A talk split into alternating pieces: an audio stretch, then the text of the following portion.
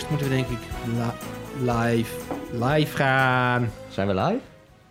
Ja. Nu al. Oh, oh ja, we ik kunnen kan- nog wel ja, even praten een stukje van ik het zie, toch? Ja, maar ik zie het live stukje nu branden. Oh, nee, Ja. nou, dan moeten we. Ja, het lampje staat aan. eh, Ja. Ja. de klok heeft, eh, wat is het, een Getikt. tijd geslagen. en dan eh, begint de tijd te lopen. Het is bijna tien voor negen. Leuk dat jullie weer luisteren naar onze geweldige topcast 2020. 2020. We zijn op zoek naar de lijst van 2020 met de mooiste muziek, de dramatische muziek, de meest spannende, uitdagende nummers, de lelijkste, de mooiste, de hoogtepunten, de dieptepunten. Dat is wat we doen, onze kweesten van het leven op dit moment.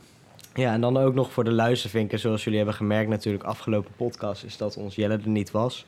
Eh, we hebben het uitgepraat. De ruzie is voorbij. Eh, we zijn weer even goede vrienden. Ehm, hij, hij heeft ook zijn tattoos laten weglezen van, eh van K3 Studio 100. Hij had Karen en Christel bij de billen staan. En waar Ja. Kathleen Ja. was, geen idee. Ja, Dus ja, ons, eh, ons Gert zit gewoon weer in de studio. Ja, ja Studio 100. Ja, ja, ja, ja, ja. ja, nee, ben, over K3 ben ik helemaal heen. Maar Ja, dat is eh, al helemaal uit. weet je wat ik echt een topnummer vind wat niet in de top staat? Nou? De kabouterdans. En nou staat hij in de lijst. Je eigen lijst? Of, eh, Nee, in de lijst in de van lijst de gaan zetten. ah. Hè, we zetten hem erin en we kijken even wat... eh, maar ik vind het wel echt leuk aan die lijst. Dat we dan eh, meerdere soorten nummers leren kennen. Ik had het er vanmiddag over dat ik denk dat de, de podcastlijst uiteindelijk zeg maar een nog gewichtigere lijst wordt dan de normale toplijst zal zijn. Dat denk ik niet. Zolang er telkens wordt gezegd... oh, ik wil dit nummer erin hebben, dus ik ga het nu random noemen. Nou, ik dacht ik pest jullie een beetje. hè? Jullie Ja. hebben meegepest. Mag ik terugpesten? Zo Pesten werkt dat in de wereld. Testen wij. ja. Maar ik dacht dus, dit wordt een, een, een gewichtigere lijst. Omdat we te maken hebben met eh, zeg maar nummers waar je elke keer echt een verhaal bij hebt gehoord waarom die erin komt. Ja. En de volgende keer als iemand de kabouterdans denkt, dan denkt hij terug aan Pep, die met zijn rode muts hier in de, in de, in de studio ook een beetje lijkt op een kaboeterd. Over een kabutert. Een kaboeterd in het eh melkherberg. Ja, morgentje! oh nee, dat is toch Samson. Nou, Al deze pesterijen. Dat, Ja, moet over echt gesproken. Misschien moeten we de de, de gast even introduceren. zullen we daar maar naartoe? Ik denk het wel. Nou, ik ken hem al heel lang. Ik ken hem eh, van mijn eerste keer op Expiatio. Toen had ik nog een oranje lelijke gordijnen pij aan. Nog en Aad liep daar in een mooie witte broek met een of ander tuniekje. Toen eigenlijk best al een goed pakje. Niet zelf gemaakt, maar wel zelf gekocht. En dat is ook wat waard. En eh, sinds die tijd zie ik hem minstens een paar keer per maand. Nou, ook periode niet. Ah ja, in ieder geval, hier is hij dan. Bombardie, hilarisch. Eh, heb je er nog meer? Eh, Haat. haat. Haat. Want daar zit ook haat in. Praat. Nou, dat is in ieder geval Nou, Arie ja, Brouwer. Ja, ja, ja, de enige echte. Welkom in de studio. Leuk dat je er bent, Arie. Nee, echt fijn dat ik mag komen. Ik eh, ben al drie jaar een trouwe luisteraar. En dit is de eerste keer, het is echt een droom die uitkomt, dat ik eindelijk hier mag spreken. Dit Ja, nou, dat is altijd. fijn om je te hebben. Ja, het is jammer dat ik... wat je te melden hebt. Want we hebben je natuurlijk wel gezien vorig jaar bijvoorbeeld als de bad guy in eh, het Megaron. Ja, dus je bent wel langskomen, maar misschien niet echt maar in de, in de gastenrol. En nu hebben we dan toch echt de mogelijkheid om jou te kunnen interviewen. Ja, ik hoopte daarop ook eigenlijk jullie een beetje een vraag te kunnen stellen. Van, want ik snap nog steeds niet goed waarom ik nou precies de bad guy ben. het is een beetje allemaal aan me voor... Bad boy, kan Ja, ik begrijpen. daar echt over hebben, dat is echt What you gonna do? Ja. Dat is voor de luistervinkjes zo... Die, die hebben dit al zo vaak gehoord. Die Ja. snappen dat allemaal. Als ik dat zou gaan herhalen, dan... Weet je, dat zitten zij helemaal niet op te wachten. Ja, dus weer zo'n wie is Jost, iedereen weet het, behalve Aad zelf, zeg maar. Ja. Ja, nee, dat... Ja. Ja, zeg maar gewoon... Ja. nou, Aad, hebben altijd de eerste vraag. Weet je welke dat is? Eh, wat mijn eh, nummer 1 wordt. Ja. Maar wij Daar stellen hier de vraag. het bumpertje.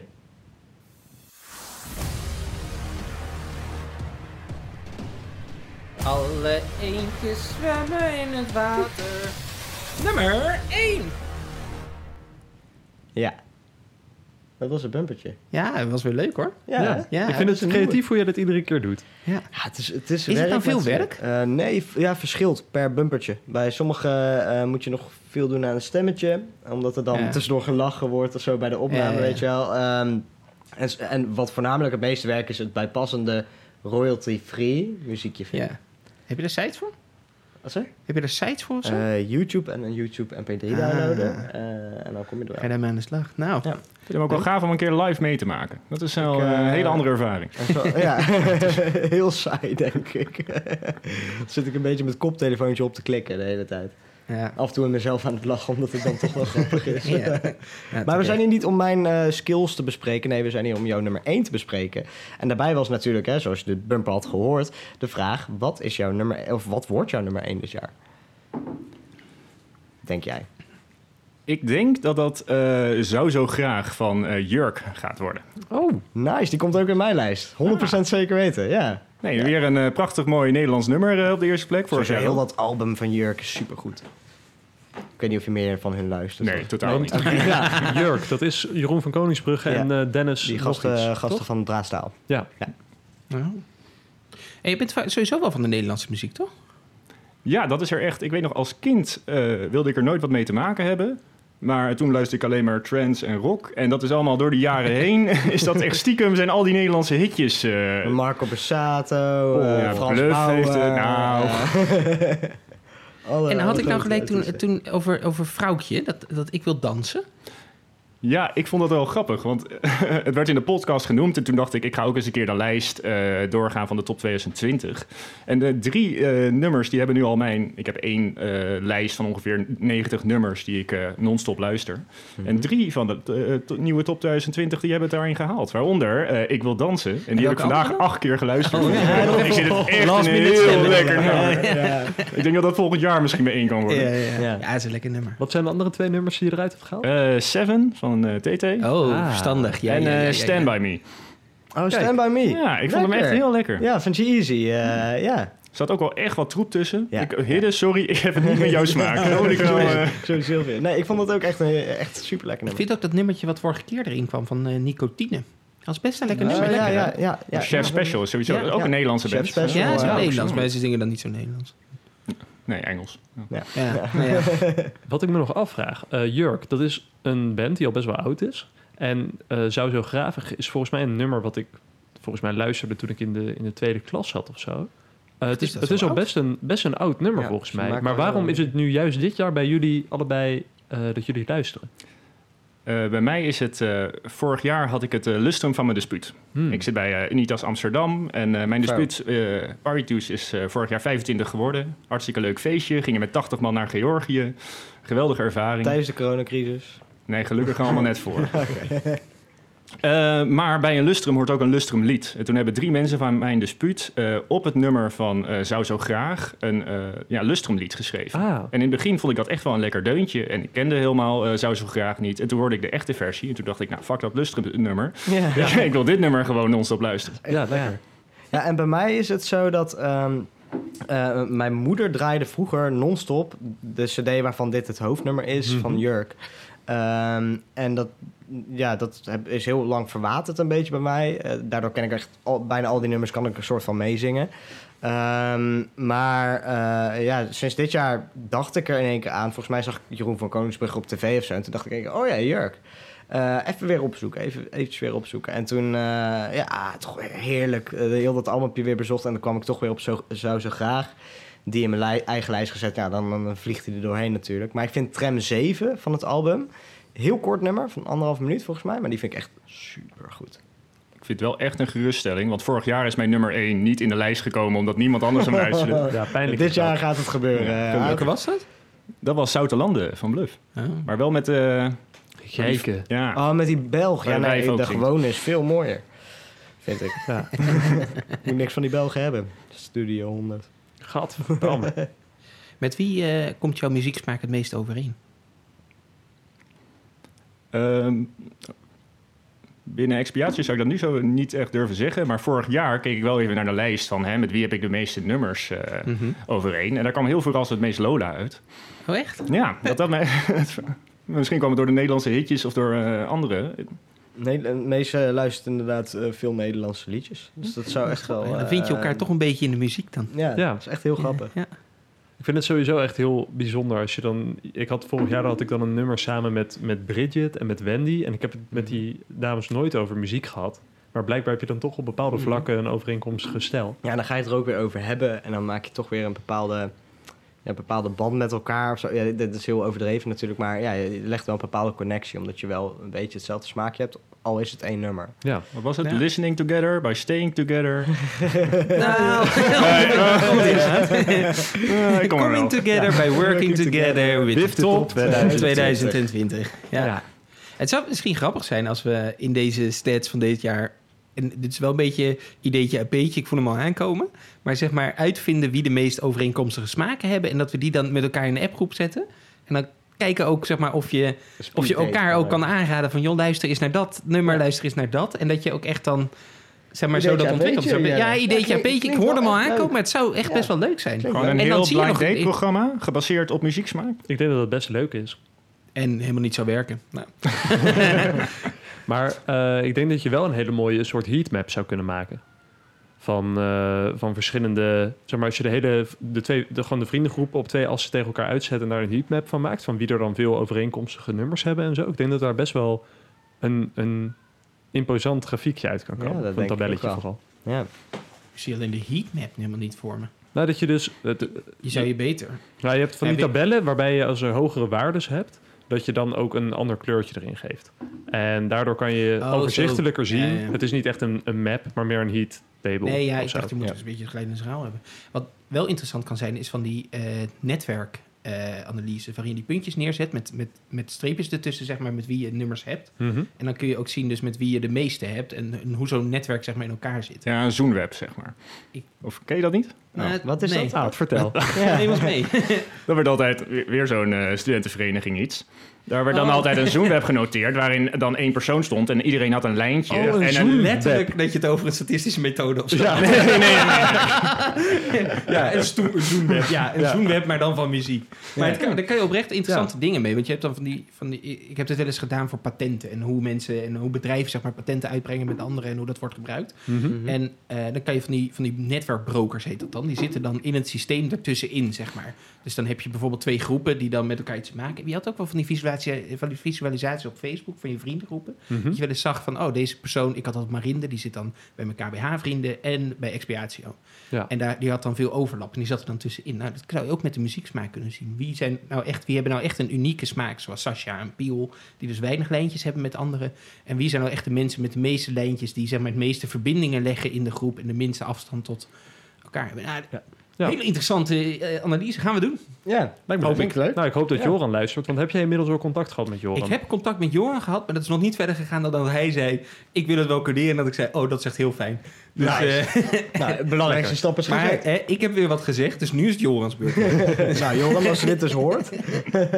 nee, ja, daar moeten we nog even mee aan de slag. Maar Ja. het voelt niet als heel veel urgentie. We hebben nog eh, een maand De- of zo. en ja, maar deze release toch? maandagochtend, als Joran in de auto zit naar zijn werk. Zit in de eh, auto in zijn Ja, werk? die luistert toch eh, in de auto naar zijn werk naar deze podcast. Auto dat heeft Brink, maar, Utrecht? ja, Brink heeft dit maar ooit verteld. Nou, hij heeft een auto. Hij moet er wel nog naartoe fietsen. Want hij kan niet parkeren voor zijn Oh, huis, omdat hij ah. gewoon naast de dom woont. Ah. Ja. Maar volgens mij is inderdaad het idee dat Joran niet meer met het OV naar zijn werk gaat, omdat het dan niet corona-friendly is. Ah. En dat hij wel iedere keer op locatie werkt en dat hij dus met de, Ja. met de auto van de, van de zaak gaat. Ja, zwarte auto en dan een of andere lelijke witte streep er bovenop. Typisch? Joran. Als we die tegenkomen, erop kakken. Eh, eh, Zo'n zo'n spoiler achterop of zo. Vlammen aan de zijkant. Zo, ja, Waar hadden we ja, het over? Lelijke auto's. Nou, over gesproken, Aad. Jij hebt zelf een auto. Nee. ik- Zo aankijken, even giftig, jongen. Lelijke auto. Wat, wat gaan we dan weer? nou Volkswagen GTI, kom nou. Ja, Dat is wel een mooi bakje, ja. We hebben het ook in de auto Snel hier naartoe al gehad over de auto. Dus dat zou ik saai zijn. Ja. Nee, ik denk dat we... Ik denk dat we door kunnen. Ik denk dat we door mogen. Ja, naar... zeker. eh, laten we het bumpertje eerst maar even doen.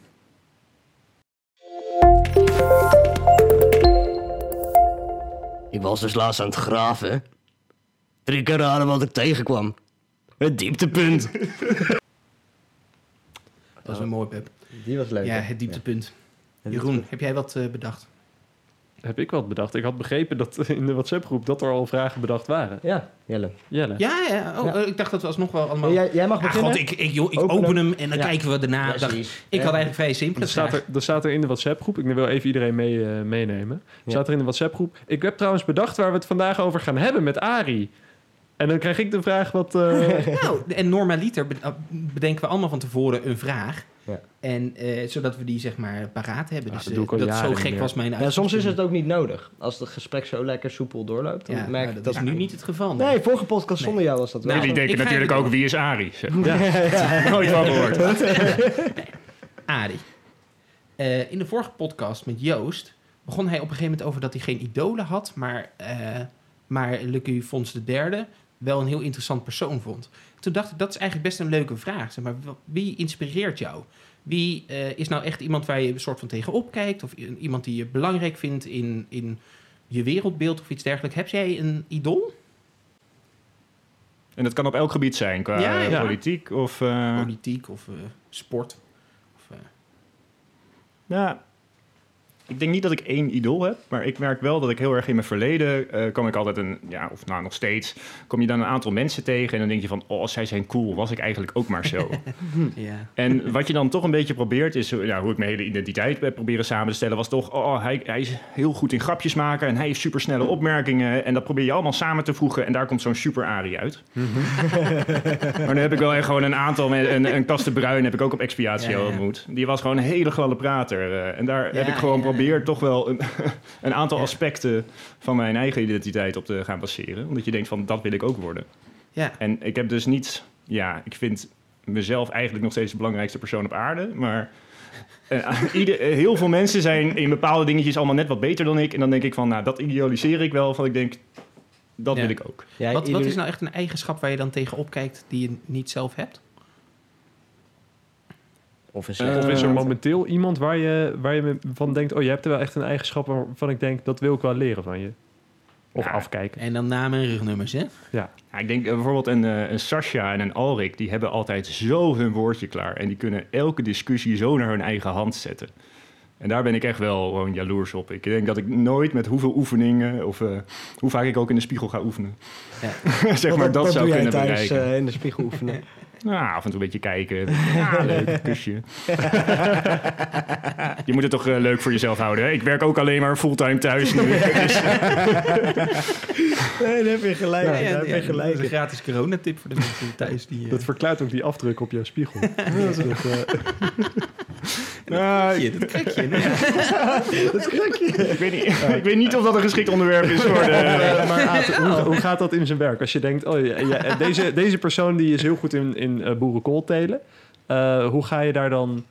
eh, hoe internaliseer je dat? Ga je het daadwerkelijk oefenen? Of maak je jezelf er gewoon heel bewust van? Hoe, eh, Vind je boerenkool heel interessant? Ja, het kan ook hele gladde praatjes zijn. Maar hoe, hoe ga je dan nu met, met de eh, goede eigenschappen van Sascha en Alrik om? Nou, de eerste stap is ook altijd wel dat je denkt van... ik wil dat soort mensen in mijn, in mijn vriendengroep hebben, zeg Mhm. maar. Zoals jij is ook een hele goede vriend geworden door de jaren heen. Hierom. Alleen maar om te gebruiken. Nee, helemaal hartstikke veel meer eigenschappen. Maar je, je wilt jezelf toch een soort van omringen met eigenschappen van mensen... waarvan jij denkt van, eh, ja, die zou ik zelf ook willen hebben. Ja. Anders, ja, ik denk dat dat ook een groot deel van iemand aardig vinden is... is dat, je, dat zij kwaliteiten beschikken die, die jij waardeert. Maar Ja. maak je jezelf daar eigenlijk niet gewoon te klein mee? Dat je eigenlijk zegt van, joh, eh, iedereen moet op een bepaalde manier beter zijn dan ik in mijn omgeving. Eh, heb je wel genoeg dat je ook ziet dat je zelf van waarde bent? Nee, zeker. Maar ik wil mezelf ook wel als een... Ik, ik zie mezelf als een groeiend concept. Ja, maar je zei er net namelijk ook dat jij nog steeds jezelf de belangrijkste persoon op de wereld vindt. Dus Wat ik ook best een Ja. heftige uitspraak vind overigens. wat ik Nou, ik, ik kan me er helemaal in vinden. Ja. Behalve dat Vind jij ook ik Aad de mezelf... Oh. Oh, ik vind Aad Hebben jullie echt dat belangrijkste beeld van, van jezelf? Nee. Nou ja, er zijn weinig situaties waarin, zeg maar, stel eh, de, de, de, de- er komt een, eh, een trolley problem, waarbij de keuze wordt van oh, ga, eh, of je moet jezelf eh, van kant maken of eh, president Rutte of zo. Eh, dan, ja. Nou, fuck Rutte. dan eh, zeg maar, ni- niemand op de wereld waarvoor ik de keuze zou maken. Nou, dan, eh, dan ga ik. Maar ook, ook niet je familie, je ouders of je zus of zo? Je ik denk, ik denk mee. ook dan dat ik Ja. gewoon altijd voor mezelf zou kiezen. Ja, je zus zou wel voor jou kiezen. Ja, maar dat vind ik zo leuk aan Sarah. En dan staat het op. Ze heb ik er al twee op de wereld. Nog maar een paar miljard te gaan. Nee, ja, nee, ik heb dat zelf niet. Ik, eh, ja, ofwel, ik, ik vind mezelf redelijk belangrijk, maar ehm, ik zou niet een keuze nu kunnen maken in dat dilemma. Ik denk dat het heel anders is, namelijk als je daadwerkelijk zelf daar staat. Maar is, is er iemand waarvan je denkt, oh, dan ga ik zelf maar? Ja, dat zijn er. eh, ja, Dat ja. vind ik heel nobel van je. Ja, maar anderzijds is dat ook weer eh, vanuit een stukje waarvan ik denk dat die anderen misschien de wereld meer te brengen hebben dan dat ik dat zelf heb. En dat is ook weer niet supergoed. Dus ik weet Ik niet. had ook wel een andere insteek hoor. Ik bedoel er Ja. niet mee dat ik zelf de meeste waarde heb voor de wereld. Maar, want er zijn meer dan genoeg mensen die veel meer goede dingen doen dan ik. Ja? Maar mijn eigen leven, dat, ja, ik ben er altijd bij. En het, het draait toch grotendeels om mij. Want ja, ja, het is mijn leven. het is je eigen leven. Ja, precies. Ja, het is een, ja, ik vind dat een heel moeilijk dilemma. Ik zit er ook wel even mee hoor. Want ik vind, Ja. ja, ja Jeroen, ik vind jou, eh, jouw dilemma wat je stelt, Lomp. vind ik wel een, een flinke versimpeling van eigenlijk wat in mijn ogen de, de nuance van de opmerking eigenlijk wel zou inhouden. Want het, Mhm. het, is, niet zozeer, het is niet zo zwart-wit als dat we voor die keuze ooit echt staan, Nee. waarschijnlijk. Ik hoop het ook trouwens, want dat zou echt een rot moment zijn. Dan ben je daarna... Een rare hè, dan wereld heb je voor de ander gekozen. hoor. Nou, dan voel je Ja. je nog de rest van je leven kut. Dus Ja. eh, maar ik denk, het, het, het is ook een perspectiefding, zeg maar, naar hoe je naar de wereld kijkt. Of je, zeg maar, eh jezelf in het centrum, een, een soort van heliocentrisch universum hebt, waarin alles om jou draait. En ik verdraai nu even je woorden, omdat ik, eh, ik weet namelijk dat je het niet bedoelt, dat je heel egocentrisch, sorry, ik kijk naar Aad. Adi, nee, ik weet dat je niet egocentrisch, zeg maar, alles, de hele wereld draait om mij, maar ik zit wel van, Ja, de, wel. de opmerking op zichzelf en het perspectief dat je de belangrijkste persoon van de wereld bent, houdt wel ook een soort dat egocentrisme wel vast. Dat je zegt van joh, eh, mijn wereld is de belangrijkste wereld. De wereld in mij, die ik zie, is de enige wereld die ertoe doet. Of is in ieder geval de belangrijkste wereld die ertoe doet. Terwijl er misschien eh, een heel veel belangrijkere wereld is. Ja, het is ook belangrijk ten opzichte van wat. Hè? Het is ook een relativiteitsvraag natuurlijk. Van, Volgens mij is het allemaal relatief naar jezelf misschien ook wel. Dus dan klopt het op. Ja, maar van Jeroen ook ja. wel weer. Nou, dat is eigenlijk. We zijn wel op een heel flink dieptepunt. Want wat is je ethisch besef? Is er een soort. eh, is er een, sorry, dit is heel erg monoloog aan het worden. Maar Ja. staat de ethiek buiten je? Is er een soort goede wereld die extern van jouw eigen interpretatie en eigen eh, eh, invloed bestaat? Of is de wereld, zeg maar, alleen. vormt die zich naar jouw ethisch beeld? Wat denk je aan? Zijn we weer terug bij de gasten? Dat vind ik fijn. ik heb hem wel een beetje afgeraffeld. Dus doe ermee wat je wil. Ehm, ja, ik denk ook altijd nog wel steeds dat een heel groot deel van ethiek weer best wel egocentrisch is. Omdat je gewoon, ja, het idee van karma is toch gewoon, je doet iets goeds voor iemand anders en iemand anders doet wat goed voor jou. Ja, maar bestaat er je wel nooit. zoiets als Dat goed doe- doen voor een nee, ander? want het is altijd vanuit jezelf om jezelf een goed gevoel te krijgen, geven. De- eigenlijk, eigenlijk nooit doet iemand iets eh, eh, eh, omdat hij die, een omaatje eh, helpen oversteken. Doe je eigenlijk nooit voor dat omaatje. Je eigenlijk uiteindelijk alleen voor het, het gevoel wat jij ervoor Ja, of is dat een cynisch wereldbeeld wat misschien eigenlijk, zeg maar, dat het, dat, dat het dus weer, wederom niet zo zwart-wit is dat het ofwel voor jezelf is of voor de ander. Nee, ik denk beide. maar dat het dus voor Ja. beide kan zijn, Ja. waarin je soms wel een beslissing neemt die zeg maar voor 81% fijn is voor de ander en voor 80% voor jou. Want in dat geval zou je in het Ja. zwarte wereld, het zwarte wereldbeeld zeggen, oh dan bestaat altruïsme, maar anders is het eigenlijk dus niet echt een Ja, bestaande het, situatie. het schijnt een verouderd wereldbeeld te zijn. Dat eh, het idee dat we alles altijd voor onszelf doen, dat op het moment dat je een oud omaatje helpt oversteken, dat je dat doet voor het goede gevoel van jezelf en dat je daardoor eh, Ja, het is wel het het doet. gebrek, man. De, En- de meeste mensen deugen. Is natuurlijk dat je vanuit jezelf eigenlijk... eh, als je kijkt naar die historie van de mens... dat er vaak gewoon in crisissituaties... gewoon goed wordt gehandeld. Zeg maar ethisch juist wordt gehandeld. Ja. Ja. En dat het helemaal niet...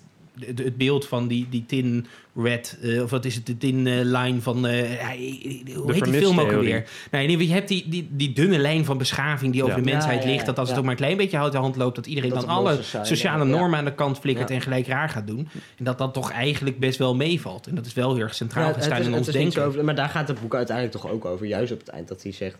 Maar dat, dat laagje beschaving is best wel dik. Ja, nee, dat, dat is dus het hele punt. Dus ja, Ja. Maar je, je zou dit Ja, en het gaat Nou dus niet eens, want de, de vernistheorie, zoals die heet, ehm, Thanks. die gaat niet alleen over het laagje beschaving en dat daaronder dan een, een dierlijk beest zit, zoals eh Hobbes dat omschrijft. Ja. Maar dat eh, als je door het laagje beschaving heen gaat, dat daar niet onder een beest zit, maar dat het interne mens, dat dat ook een sociaal beest is. En Hoe niet, denk jij hierover, niet een Aad? wolf. Ja, we zijn- ik, zie- ik zie de mensen toch als een kuddedier. En eh, we weten donders goed dat als we elkaar helpen eh, en elkaar blij maken, dat we daar zelf ook blij van worden. Ja. Ja. Dus eh, jij gelooft wel in dat stukje dat je, dat je het eigenlijk voor jezelf doet. Nou, dat, het, het is Of dus deels. niet. eh, oh, Aad, de vraag is vooral aan jou. Zeg maar, de, de, de- er zijn nog wel wat, wat kanttekeningen bij die, eh, die stelling. Maar Ga je Aad, ze zelf de- nee, ik wil, ik wil graag Aad aan het woord laten. Maar ik vind het zelf wel een ik interessant vroeg, eh, maar geloof je dus in dat mensen het voornamelijk of, of deels voor zichzelf doen en nooit voor de ander? Uiteindelijk, als zeg maar, al, al doe ik iets leuks voor iemand eh, wat mijzelf eh, pijn kost, dan, dan weegt zeg maar dat, dat goede doen op tegen mijn pijn. Dus ja, ik denk altijd dat je altijd iets vanuit jezelf doet. Maar dat is dan ja, daar kan je over blijven filosoferen. Ja. Ja, het is ook een beetje reflectie vanaf jezelf natuurlijk. Zo denk ik ook een beetje. Want misschien is Jelle gewoon wel echt een good guy. En die denkt, nou, maar hè. En is Aad eigenlijk een bad guy? Ja. Ja, ik Yes. bedoel, de eerste nou keer dat ik op radio ben, zeg ik dat ik dezelfde belangrijkste van de wereld ben. Dus het is ook niet helemaal En jij me afvragen, waarom stond ik in het rijtje? Ja. Aad, er nog een paar in. Ik moet me ook intens inhouden om hier geen politieke discussie van te houden, maken. Want Daar was ik ook Dus bang voor dat het die kant op zou ja, gaan. maar er zit eh. heel veel potentie in om deze ethiek even flink zo... Ja, maar, VVD dit. Nou, Oké. Eh, Jelle en Arie, voor de nietsvermoedende luistervink, hebben best wel vaak dat ze de discussie aangaan over een, eh, een rechts- of een links wereldbeeld. Ja. En niet dat we daar nu in moeten duiken, maar daar, daar weten ze van zichzelf dat ze af en toe daarvoor moeten waken. We Omdat ze er anders weer in... wapenstilstand laatst eh, beslo- besloten dat we, dat we dat gewoon niet moeten doen. Omdat het eigenlijk nooit een leuke Het loopt discussie er nergens is. op uit. En het- je, je overtuigt elkaar toch niet. En dan ben je om drie uur s'nachts ben je, ben je, nou, je emotie aan het schreeuwen. En, dat, en wordt niemand er vrolijk van. dus dat, dat doen we maar niet meer. Aad, die blijft gewoon rustig waarschijnlijk, hè? Ja, Aad is altijd is een altijd rustige, Nee, maar rustige ik vind dat altijd PVV. met dat soort discussies is je verdraait bijna nooit iemands wereldbeeld. Nee. Of je komt er op het eind achter dat je toch een soort van hetzelfde denkt. Want Ja, je gaat al zo lang met elkaar om. En Ja. het is zo, Ja. zo onzinnig, ja. Ja. Ja, dat is... Aad, ik maak jou ook nooit zo vaak emotioneel mee. Is dat iets eh, waar je een beetje in, eh, in sync mee bent, met je emoties? Ik heb er zelf wel echt een paar keer over nagedacht. En ik eh, zie mezelf voornamelijk als een eh, berekenend persoon. Mhm. En ik eh, kijk ook altijd naar de toekomst. Ik wil altijd het eindspel spelen. En als je alles eh, over hele grote periodes trekt, altijd naar het, het eind kijkt, dan eh, heb je niet meer echt pieken en dalen, maar is het gewoon één strakke lijn. Ja, En dan word je ja, niet zo vaak emotioneel. ja. Heb, je- en vind je- is dat gewoon zoals het gaat? Of vind je daar, heb je daar bepaalde moeite mee of zo? Heb je zoiets van, godverdomme, ik heb gewoon zin om te janken, maar het lukt niet? Of, of ik wil juist blij zijn, maar... Ah, juist omdat je zo op de lange termijn kijkt, denk je dan, ja, waarom zou ik hier zo enorm droevig over zijn? Want ik weet dat als ik dit en dit doe, dan gaat het wel weer wat beter in de toekomst. Mm. Maar het is ook weer zo van, oh, dit is wel heel leuk en ik geniet hier nu van. Maar ja, eh, volgende week is dat weer het geval. Dus eh, ja, het, het maakt alles gewoon net iets. Vlakker. Ja, en op sommige momenten ben je daar echt wel jaloers op. Want ik ken echt wel mensen die veel meer kunnen genieten van bepaalde dingen. Ik heb een, eh, een oom die dan elke verhaal wat hij heeft, dan denk ik van, dat is prachtig. En dan, en dan kom ik op het eind achter van, oh, ik was ook op dat feestje. en dan denk je van, huh, maar zo heb ik het niet meegemaakt. Nee, precies. Hij, er zijn belevingswereld tussen staan. Ja, maar dan heeft hij ook weer af en toe verhalen over dingen, wel, hoe verschrikkelijk het wel niet was. En ik denk, nou, niet zo aanstellen. Het was, stap gewoon even door. Ja, het is gewoon... al- eh, ja. ja, ik vind dat wel grappig dat, eh, dat jij dan eigenlijk aangeeft van... hey, ik heb gewoon net wat afgevlaktere manier van beleven of zo. Of, of je denkt verder door en daardoor is het afge- afgevlakt. Terwijl, ik ken mezelf, ik ben een heel emotioneel persoon. Ik word super gelukkig van dingen en super ongelukkig van dingen. Eh, Jelle die wordt heel ongelukkig van dingen en heel ongelukkig van dingen. Hip-hop versus Studio nieuwe 100. K3-album. Dat, ja. Ja, ik, ik leef denk ik net wat minder in het moment zelf. Ja, En ja, dat heeft heel ja. veel voordelen, maar ook wat nadelen. Waar baseer je dan je toekomstbeeld op? Want je leeft dus blijkbaar wel naar een punt op de horizon toe. Hoe, eh, hoe weet je wat dat punt moet zijn? Nou, niet per se dat ik daar naartoe leef, maar wel dat ik me zeg maar alle consequenties indenk van eh, de situatie waar ik nu in ben. En niet alleen maar het moment hoe dat nu voelt. Ja. Dus niet, Maar- ik hoef niet altijd naar een punt toe te werken. Dan heb ik je verkeerd Nee. begrepen. Nou. Kan gebeuren. Nee, want het is, het is meer dat jij een moment zelf analyseert en hoe gaat het er dan uitzien, zeg maar. Dat bedoel je meer. Ja, hoe is dat over het totale plaatje? Ja, of wat kan ik eraan veranderen of doen eh, om het in de toekomst beter of slechter te maken. Of, nou, slechter nooit, denk ik, maar beter te maken. Als ultieme bad guy. Wrijvend in zijn handen. Hoe kan ik dit nog ellendiger maken? maar dus meer je, je eh, stoot bij wijze van spreken je teen. En je baalt er op de- dat moment is het dan wel auw. Maar eh, over een dag heb ik er geen last meer van. Dus laat ik er nu niet over huilen. Ja, dan hoef ik niet het hele, het hele feestje zeg maar, te zeiken over mijn teen die ik gestoten heb. Ja. Want sommige mensen kunnen dat nog wel eens. ja. Ik heb, eh, ik heb nog een vraag voor jou. Die had ik eh, voorbereid. Zie je nou wel? Ja. Dus eigenlijk komt het onder de streep. Wacht, dit wil ik even benoemen. Ja, ja, ja. Maar Jeroen zat me net uit te lachen dat nee, nee, nee, jij zou alle vragen regelen. Maar eigenlijk, is het hier Pepijn die onder de radar dingen aan Nee, het nee, doen nee, is. Jeroen, jij verdraait het. Jij hebt geen vraag Ik heb er voorbereid. net toch eens een vraag Pep heeft gewoon netjes een vraag ik, vra- ik stel mijn vragen in zo- de flow van het gesprek, Ja, Jelle. Dat ja, zou je ook eens goed. moeten doen. Het is goed met Ik ga me Ja. niet mengen in deze discussie. Heel Het is leuk als jullie zo'n hele grabbelton hebben, zeg maar. Ja, Waar ja, je dan eentje uit Of een dobbelsteen of zo, weet je wel. Dat je, Ja, of oh, je moet eens vertellen over liefde. Oh. Eh, nee, ik heb een eh, vraag aan jou. Het gaat niet over liefde. Ik zag je al schrikken. Ik dacht, oh, nee, eh, nee. het Hoe komt- leuk, ben je hier weer onderuit? Ja, liefde, nee, dat voel ik niet echt. Nee, ehm, ik, ik weet dat jij zo nu en dan eh, houdt van een videospelletje. Ehm, en dat eh, eh, zowel volgens mij op de Switch als... De, je hebt een Xbox thuis, volgens mij. Eh, ik weet niet of die gebruikt, hoor. Dat zou ik niet doen als hij hier zou staan. Maar... eh, en een computer. Ehm, als jij jouzelf, eh, of, of 2020, eh, hoe jij dat beleefd hebt, en dus niet per se het nieuws gevolgd hebt als corona, maar gewoon hoe jij het zelf beleefd hebt allemaal. Als jij dat moet omschrijven als een videogame, eh, welk spel zou het zijn? Zo. Media bullshit vraag dit. Ja, ik heb, oh, dan heb ik ook nog wel een hele goede vraag bedacht. Nee, ik zei nooit goed. Ik zei, ik heb een vraag voorbereid. Oh. Ik denk dat ik dan voor eh, Mario Party ga. En waarom Mario Party? zo'n feestje? Nou, het wees- ik zie mezelf eerder gewoon meer in het, in het totaal in mijn hele leven. Zie ik mezelf met een leuke vriendengroep waar je eigenlijk altijd competitief spelletjes mee bezig bent, maar uiteindelijk eh, niet echt uitmaakt wie wint. Nee. En je zegt altijd maar, ah, maar hij had geluk. En oh, hij komt nu weer op zo'n hidden star en dan krijgt hij een ster, zeg maar. En je kan altijd lekker zeiken op de ander erover. Ja, maar ja. iedereen doet het uiteindelijk ja, toch voor de lol en een beetje rare dingetjes. En als je een drankje op hebt, dan lijkt de wereld ook wel een beetje op Mario Party. Ja, ik vind dat eh, een hele Ja. goeie. En waarom Ja. specifiek 2020? Omdat het zo'n grillig jaar was? Of eh, om andere Ja, hij redenen? beschreef nu zijn leven, was het volgens mij. Ja. Ja, dit was ook wel meer een spel waarbij ik me gewoon altijd associeer. Mhm. En nu sta je gewoon net op het verkeerde vakje dit jaar. Nou, zo, ja, nu, rood, nu moet ik drie muntjes inleveren omdat ik op dat rode vakje Ja, ben precies. ingekomen. Ja, ja. Bad Luck Space of zoiets. Ja. Nee, maar het is ook wel... Ja, het is echt een spel waarbij je met z'n allen... eh, Op de Switch heb je ook nu dat je elke keer je handen omhoog moet doen met die controller om Ja, te je- juichen. Zeg. Ja. Nee, juist ja, dat, dat kunnen we nu ook wel even gebruiken, zeg maar. eh, welk karakter zou jij zijn?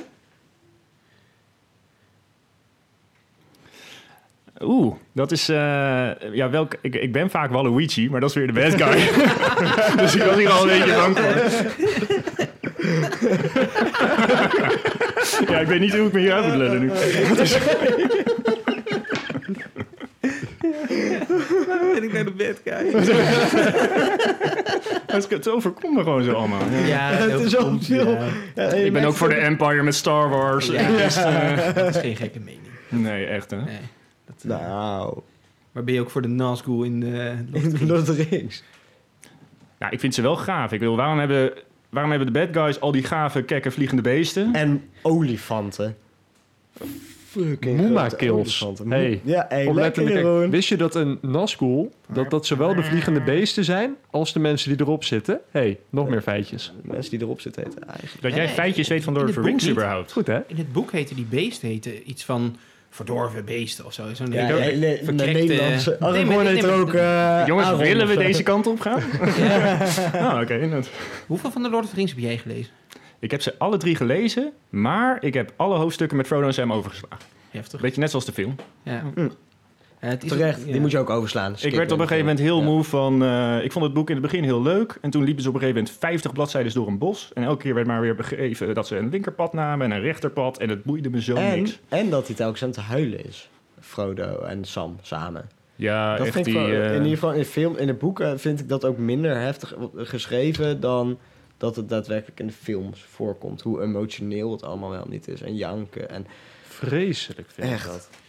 Ik kreeg aan het hebt eind het van mijn basisschoolcarrière een kinderbijbel.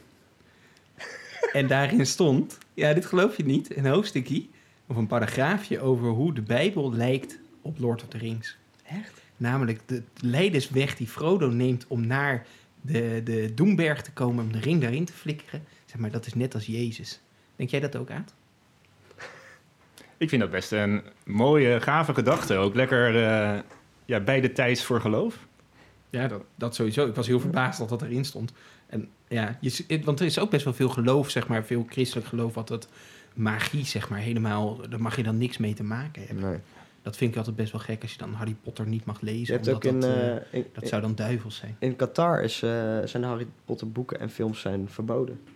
Hmm. Maar ja, dat kan je dus van de Lord of the Rings hebben, is ook magische settingen. De elfjes zijn ook eh verafgoding dan. Nou, het is wel heel erg van... eh, ik ben gelovig opgevoed en ik wil mezelf ook wel als een gelovig persoon zien. En eh, mijn moeder die is ook penningmeester van een kerk. En zij hebben... Ja, zij proberen wat populairder en hipper te zijn. En nu hebben ze allemaal van die grote banners eh, op de kerk hangen. Met bijvoorbeeld... eh, mijn God laat vrouwen voorgaan. Dus je hebt gewoon ja, eh, vrouwelijke dominees. Of mijn God laat mij zelf geloven. En dat vind ik een hele mooie uitspraak... waarin je gewoon... Ja. Het is allemaal voor jezelf te interpreteren uiteindelijk. Ja, ja, ik vind het protestants geloof ook echt wel veel mooier, omdat je daar vanuit je, zeg maar, geloof is iets wat je als individu doet. En niet wat je vanuit je. Eh, sorry jongens, ja, ik word hier weer aangekeken met grote ogen. Wat komt is hier nou weer? Het is een arme mensengeloof, protestant. Zo, daar gaan we. Holy shit! Wat? Bert, dit moet je gaan uitleggen. Waarom is het een arme mensengeloof? Nee, nee, die, eh, ja, nee die, eh, die zijn niet zo van de centjes. En ik vind dat wel vet, bij, juist bij Rooms-Katholiek, dat ehm, alles zo vergulden moet zijn. Of zo. Dat Alles moet zo wonderbaarlijk afgebeeld worden. En eh, ja, ik vind dat saai bij Rooms-Katholiek dat dat niet echt gebeurt. Want die Pro- mensen met, die mensen met al die bling, dat zijn de rijke mensen. Hè? Maar je, Zo. je Ja. weet dat, Ja. dat, dat al die gouden kerken die je ziet, die zijn over de rug van de arme mensen van de samenleving ja, opgebouwd. hè? Ja, ja, ja. En- Dat je zeg maar nu één kerk hebt die oud is, die dan eh Ja. afvikt in, in het centrum van Parijs, die Ah, volhangt met ik, gouden ik beelden. noem het eerder... Dat is gewoon het effect van dat daar eh, talloze arme mensen eh, in mijn ogen eh, een beetje beduveld worden. en geld afhandig wordt gemaakt, ik omdat noem, de ik noem dat gewoon belasting. verkocht. Ik noem dat belasting. Nee, maar, Maar- ja. nou ja, goed. Maar, ik zat op een positieve ontvangen. ja, ik zat op een positieve term over, over protestantisme, omdat het geloofsbeleidenis zeg maar is heel anders. Namelijk je zegt niet van joh, ik moet mijn hostie eten, ik moet eh, praten en eh, mijn zondes bekennen in zo'n hockey en eh, als ik maar naar de kerk kom, dan is het allemaal wel goed. Nee, het gaat in, in mijn ogen hoor. Nou, maar hier was Luther allemaal ooit mee begonnen. Met, die heeft op de, de kerk, ja, de Rooms-Katholieke kerk, Ja, eh, gespijkerd van wat er allemaal wel niet mis was. Ja. En daaruit is ook het protestantisme ontstaan. En toen kwam er ook een beeldenstorm aan gewoon eigenlijk alles wat zo met geldverheerlijking was binnen de Rooms-Katholieke Ja. kerk. Binnen de Rooms-Katholieke kerk zijn ook nog steeds gewoon allemaal, het zijn bijna dezelfde geloven hoor. Zeg maar. Net zoals dat, dat ik islam en christendom bijna Oh, hetzelfde vind. Ho, ho, ho, ho, ho, ho, ho, ho. Ik vind het uiteindelijk allemaal één groot geloof, wat allemaal een beetje, het heeft wat zijweggetjes gekregen. Want is Jezus is ook gewoon een apostel van de, van de moslims. Dat is het. Maar goed, eh, ja, nou ja, ik, mag ik nog even mijn punt afmaken? Want ik Maak was nog steeds niet helemaal klaar. Ik wilde mee te zeggen dat ik het fijn vind als mensen geloven omdat ze zelf willen geloven. Omdat ze zeg maar eh, het, geloof voelen. En niet zozeer geloven omdat het onderdeel is van de structuur van hun leven. Waarop ze naar een kerk gaan. En dat zeg maar geloof vanaf het moment dat je de kerk binnengaat en de kerk uitgaat.